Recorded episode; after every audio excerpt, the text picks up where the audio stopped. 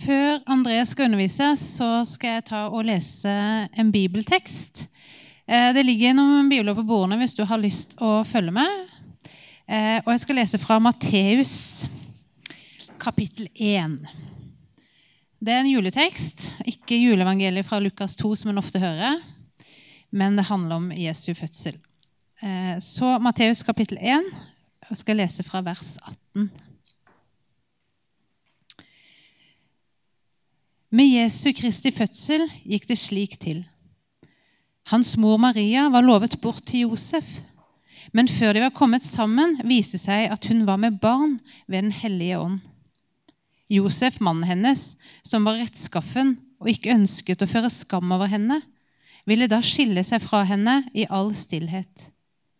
Men da han hadde bestemt seg for dette, viste en Herrens engel seg for ham i en drøm og sa, Josef, Davids sønn, Vær ikke redd for å ta Maria hjem til deg som din kone, for barnet som er unnfanget til henne, er av Den hellige ånd. Hun skal føde en sønn, og du skal gi ham navnet Jesus, for han skal frelse sitt folk fra deres synder. Alt dette skjedde for at det ordet skulle oppfylles, som Herren hadde talt gjennom profeten.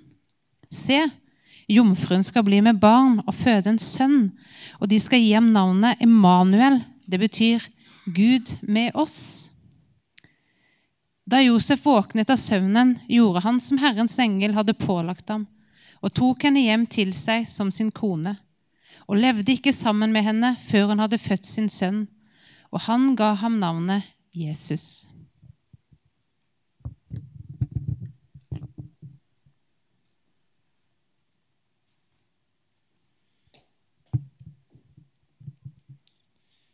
Så fint å kunne få lov til å være med og ha undervisning her i dag. Eirik utfordra på det for en liten stund siden, så det er hyggelig. Mitt navn er André. Jeg jobber for tida som diakon på en bibelskole. Eh, og jeg er nå mest vant til å sitte i samtale, så nå er det egentlig en stund siden jeg har talt. Så det er veldig kjekt å gjøre igjen. Vi er advent. Og før vi går inn på veldig mye av temaet, så tenkte jeg at jeg kjenner ikke så veldig mange av dere her. Eh, så jeg tenkte, Hvis jeg har én egenskap jeg vil at jeg skal liksom få hjelpe litt til å lære å kjenne meg, da, eh, så er jeg kanskje den typen som er litt sånn rask på å finne de raske løsningene. Så når du skal måke bilen, som noen kanskje må gjøre nå for tida, eh, så tenkte jeg at det var lurt å bare sette bilen i fri, sette på håndbrekket, og så starte bilen mens jeg sto på utsida av bilen. Sånn at den skulle varmes opp mens jeg tok bort snøen. Men da hoppa bilen i første gir og begynte å kjøre mens det sto på sida. Så da løp jeg inn i bilen. Litt for seint, så da røyk hekken til de jeg leide, leide hos. da. Så det er Ja. Jeg er glad i raske løsninger. Eh, det lønner seg av og til. Den bilen er vraka. Eh, vi går inn i advent, og jeg og Eirik skal tale litt om det at Gud flytter inn. Og hva, hvordan ser det ut? Gud flytter inn, det var den mest cheesy setningen vi klarte å komme opp med. Eh, så jeg skal tale litt om hva det vil si at Gud er med oss. Og jeg vil påstå at det kanskje er noe av søylene i det kristne budskapet. Jeg og kone var på en bryllupsreise i Lisboa, og der besøkte jeg en katedral. Det er litt dårlig bilde, men det, jeg tipper den katedralen var minst 100 meter lang og 40 meter brei. Og Den var majestetisk og hadde masse utrolig fin utsmykning. Eh, og Midt i katedralen så sto det sånne store søyler hele veien bortover. Og uten de søylene så tipper jeg det taket hadde rast ganske kraftig sammen. Eh, og Noe av poenget med den talen som kommer, eller undervisningen som kommer i dag, det er nettopp at søylen i vår kristne tro er at vi tror på en Gud som er med oss, og som først har vist sin kjærlighet til oss, og ikke at vi først må vise vår kjærlighet til Han. Og Det er det vi baserer hele troa vår på. Og det er det jul og advent handler om. At vi kan hvile på Hans sine søyler som Han har satt opp. At Han er med oss alltid. Eh, det er Gud som er med oss. Og så kan vi få lov til å følges med Han. Og så vet jeg at jula er for noen og advent er for noen litt sånn stress og noen ganger trist, og andre er det fantastisk gøy og bare kos. Eh, og uansett hvilke opplevelser du har av det, så er dette budskapet at Gud er med oss, det gjelder for alle sammen. Alltid. Og du er invitert. Så i dag er fokuset ett ord, og det er Immanuel. Det er et ord som noen mennesker har brukt hele livet sitt på å forske på, og tenker at de fortsatt trenger masse mer tid for å sette seg inn i. Eh, og så vet jeg ikke hvor mye tid du har tenkt på det, men jeg bruker kanskje et år på å tenke litt på det navnet, og hva det betyr. Eh, og det kommer Det blir litt bibellesing, men fra Jesaja 7,14 så sto det Derfor skal Herren selv gi dere tegn, sier den unge jenta skal bli med barn og føde en sønn, og hun skal gi ham navnet Immanuel. Det var en profeti lenge før Josef plutselig fikk et, en engel stående foran seg som sier Se, jomfruen skal bli med barn og føde en sønn, og de skal gi ham navnet Immanuel. Det betyr Gud med oss. Og det er det vi skal se på. Gud med oss. For å starte med Gud eh, Hvem er Gud, og hva betyr det? I juletida så venta israelittene på en konge.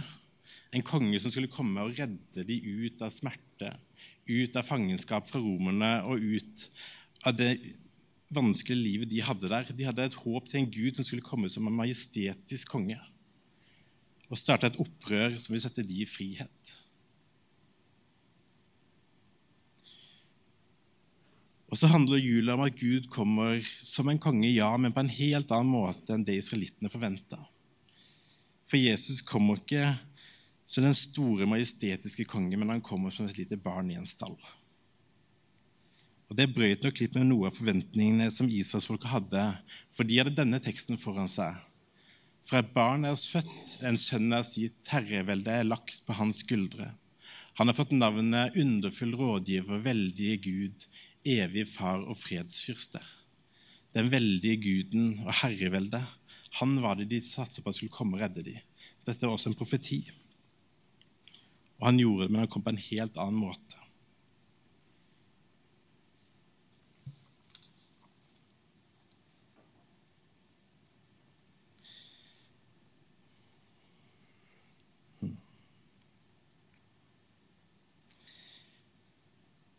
For den Jesus som vi bekjenner, han er totalt annerledes enn alt annet av andre religioner. Jeg satt på en eh, togreise på vei til Hombersund. Nei, Holmestrand, mener jeg.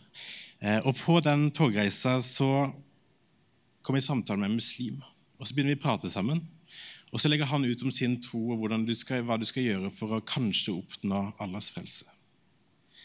Eh, og Så svarer han litt tilbake. Hva er det du tror, da? Eh, og Så begynner han å dele en historie om at jo, vår Gud han setter ikke kravet på hva du skal gjøre, på hvor flink du skal være, på hvor mye du skal be, på hvor mye du skal lese i Bibelen. Hans krav eller setting, det er å si ja, jeg vil ta imot det Gud har å gi meg. Jeg vil følge Jesus. Ja, jeg vil tro på at det er han som kommer med håp. Han er den som kommer med liv inn i min håpløse situasjon. Han er ikke den som sier du må være på denne måten for å skulle fortjene fellesskap med meg. Han er den Gud som sier du er velkommen hvis du vil tro på mitt navn og følge meg. Punktum. Og Så ser han på meg og sier han deres ut som en utrolig urettferdig Gud. Da kan jo i teorien til og med Adolf Hitler komme inn i Guds rike. Og så er vår tro på en måte ja, så opplevelsen som urettferdig. Fordi at det handler ikke om hva vi presterer og hva vi har gjort oss fortjent til, men det handler om en Gud som sier 'velkommen'. Jeg har gjort alt ferdig, og du er invitert.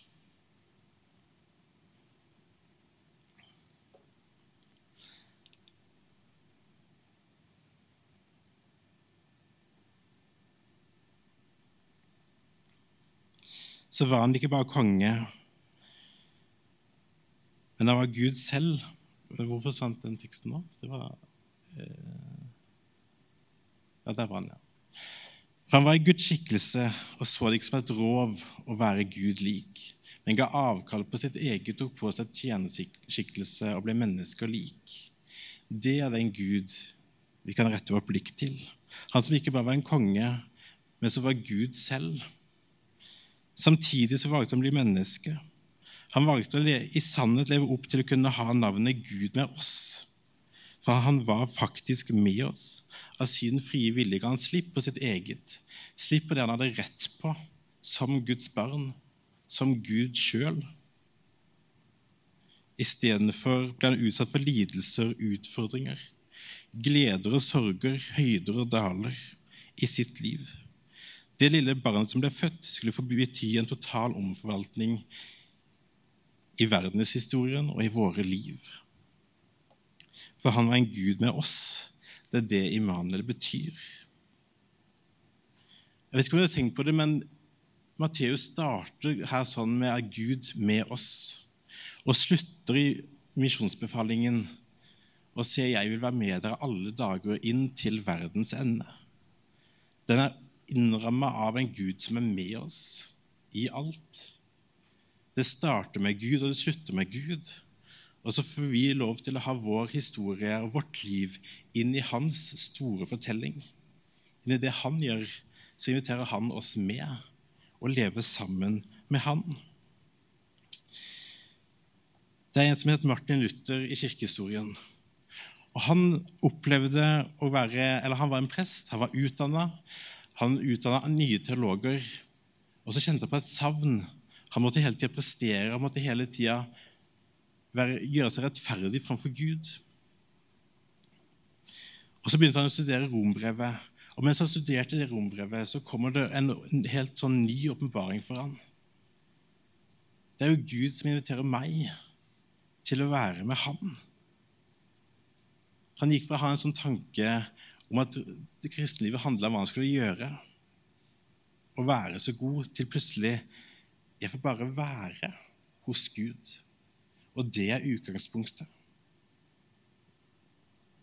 Og Det snudde totalt rundt på hans syn på kristen tro, hvordan han levde ut sin kristne tro. Gud med oss. Har du lyst til å gi meg det vannet, Erik?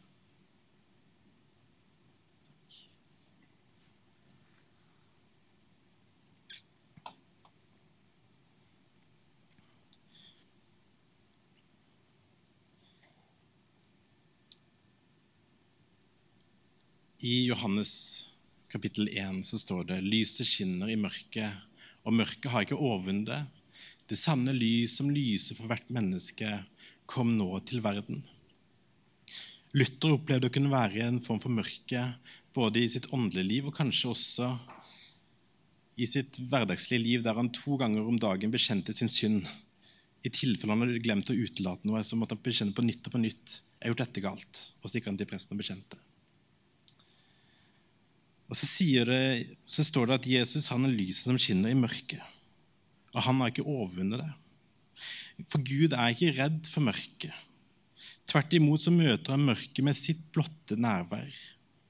Han går inn i mørket, han som selv er lyset, og lyser opp i mørket. Slik en konge og Gud er det vi får tro på.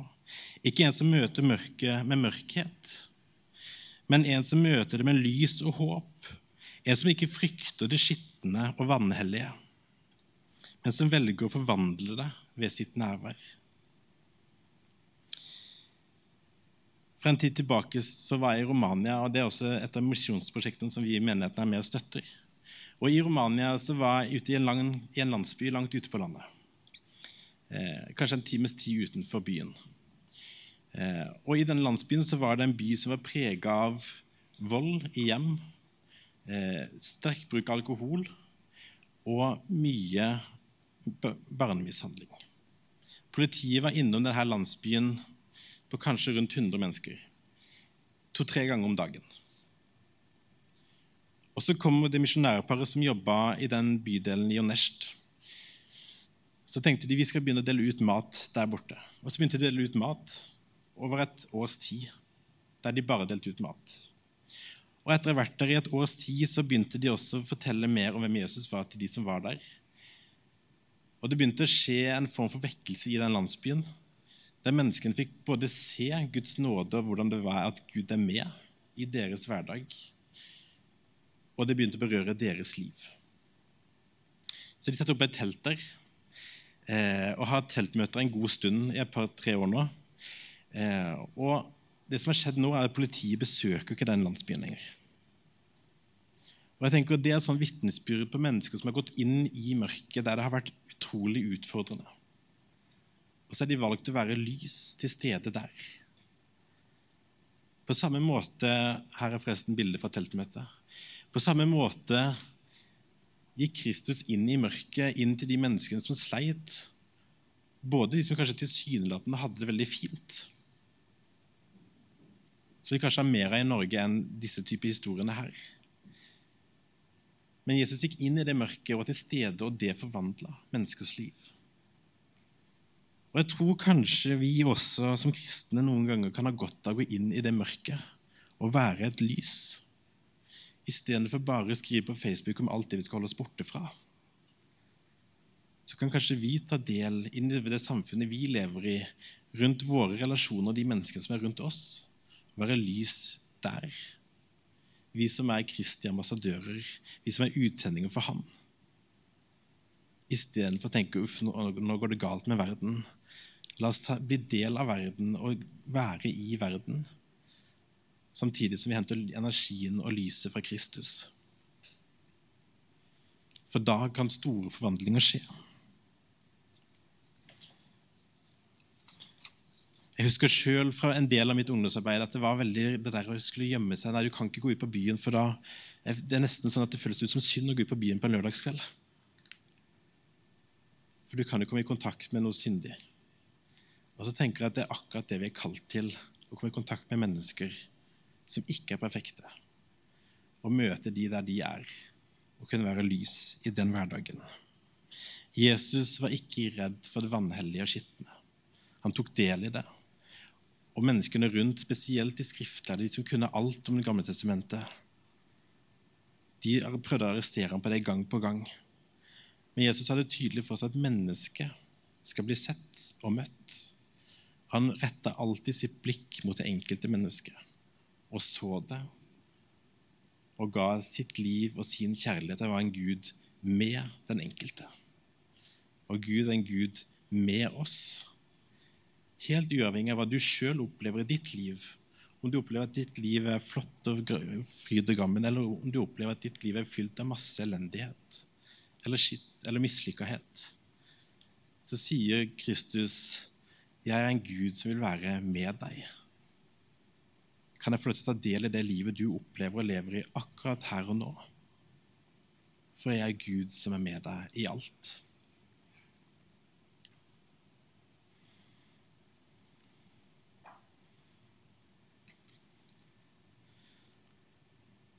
Han er Gud med oss. Hvem er oss når englene sier dette her? Er det alle mennesker? Hvem er det Gud er med?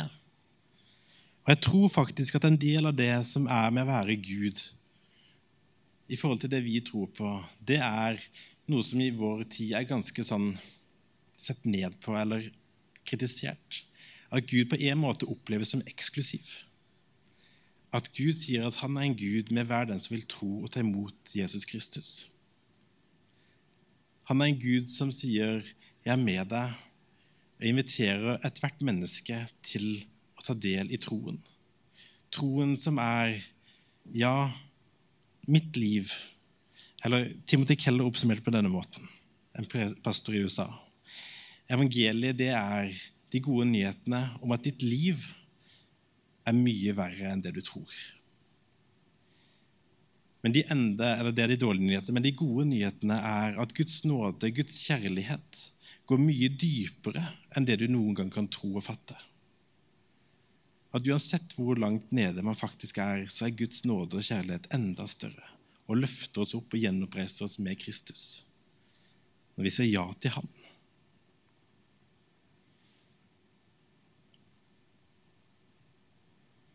Og Da handler det aldri om det moralistiske.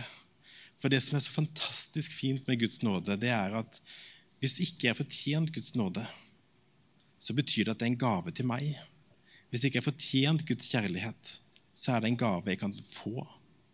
Og det gjør at når jeg samles med andre som også har tatt imot den gaven, så stilles vi på lik linje. Totalt uavhengig av hvor mye jeg ser opp eller ned på de, så er vi likestilt. For vi er like avhengig av Guds nåde.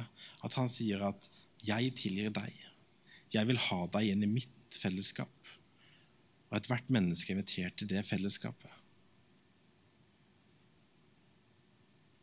Og Gud lover at han er med alle de som tror på ham. Og så tror jeg òg at han kaller og ønsker ethvert menneske inn i det fellesskapet.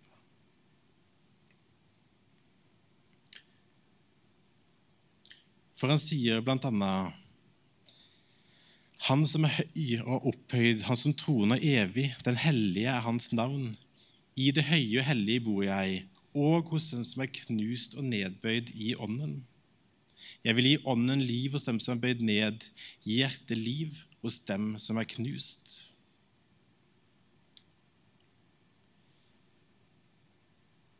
Gud er en Gud som er med den sønderknuste. Gud er en Gud som inviterer hvert menneske som sier 'Jeg trenger deg, Jesus'.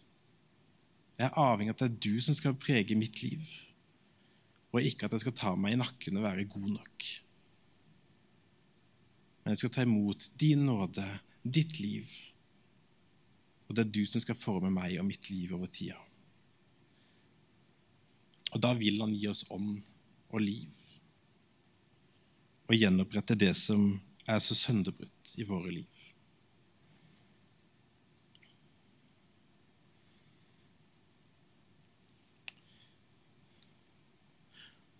Og Når vi tror på Jesus, så sier han, 'Hvem kan skille oss fra Kristi kjærlighet?' Nød, angst, forfølgelse, sult, nakenhet, fare eller sverd.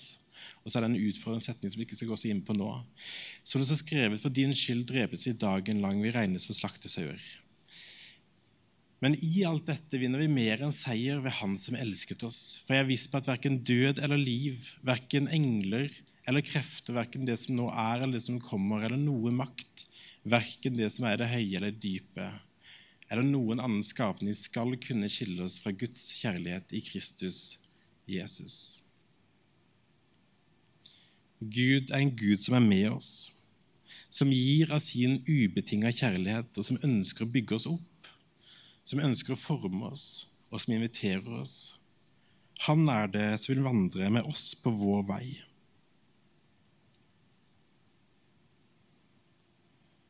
Og Dersom du tror på Jesus Kristus, så er det ingenting sier han, som kan skille deg fra hans kjærlighet. Uansett hvor langt du føler du synker ned, så er hans kjærlighet rundt deg. Uansett hvor langt du føler at du mislykkes, så er han klar til å løfte deg opp. La han få lov til å prege livet ditt. La han være en Gud som er med deg i hverdagen din. For han er ikke redd for å gå inn i mørket av ditt liv eller mitt liv.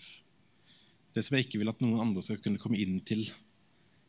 Der ønsker Gud å være for å kunne være til stede i livet mitt på dypet av mitt liv. For ofte så er det sånn at der vi ikke engang sjøl vil være, der ønsker Gud å være. Augustin, en kirkefader, sa det på den måten Gud var alltid nær meg, men jeg rømte fra meg sjøl.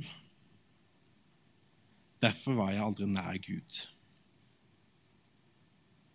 For Gud ville være nær der Augustin faktisk var i sitt liv. Og der jeg er i mitt liv, og der du er i ditt liv, der vil Gud være. Ikke der du tenker at du burde være, men der du er nå. Der er det Gud vil være med deg. Gud med oss betyr en Gud som vil være med oss der vi faktisk er, slik vi faktisk er, og ikke slik vi tenker at vi burde, ikke slik vi tror Gud tenker at vi burde. Men Gud vil være der vi er nå. Det er det fellesskapet vi inviteres til, å leve med Han i hverdagen. Så den underfulle gaven ble ikke gitt ved at Gud kom brasende inn i verden og viste seg som den sterkeste kongen eller som en diktator. Men han kom til oss som et lite barn født i en stall. Barnet var sårbart og likevel Gud. Det er slik Gud kommer menneskeheten i møte. Slik skulle Gud vise sin vei i denne verden og lyse opp verden. Vi feirer dette barnet som ble født, som en dag skulle bære all verdens synd. Og Nettopp det handler advent og jul om. Å være nær Jesus, stole på han og vokse i hans nærhet. Den kristne troa er ikke bare en intellektuell tro. Det handler ikke bare om å forstå hvem Gud er. Men det handler også om å kunne få en dyp erfaring av Gud med meg. Gud lever i mitt liv. Det er noe nært og personlig, og ikke bare akademisk. Det er noe vi kan forholde oss til på både følelser, intellekt og i vårt hverdagsliv. Og han har kryssa himmelen og til jorda for å være sammen med oss. Han har vist at han vil leve med oss. Og Kanskje kan det nettopp derfor også være godt for min del å kunne rette blikket til han og bruke noe av den adventstida nå i stillhet. Til å lytte til hva er det du har å tale inn i mitt liv, Gud. Hva har du å tale til meg nå? Og La adventstida også bli en tid i ro der han kan få lov til å tale til oss, og ikke bare der vi skal gjøre alle disse andre tingene. For jeg tror faktisk Gud ønsker å tale inn i våre liv. Immanuel, Gud med oss. Jeg vil be en bønn. Takk, gode himmelske Far, fordi at du er en Gud med oss.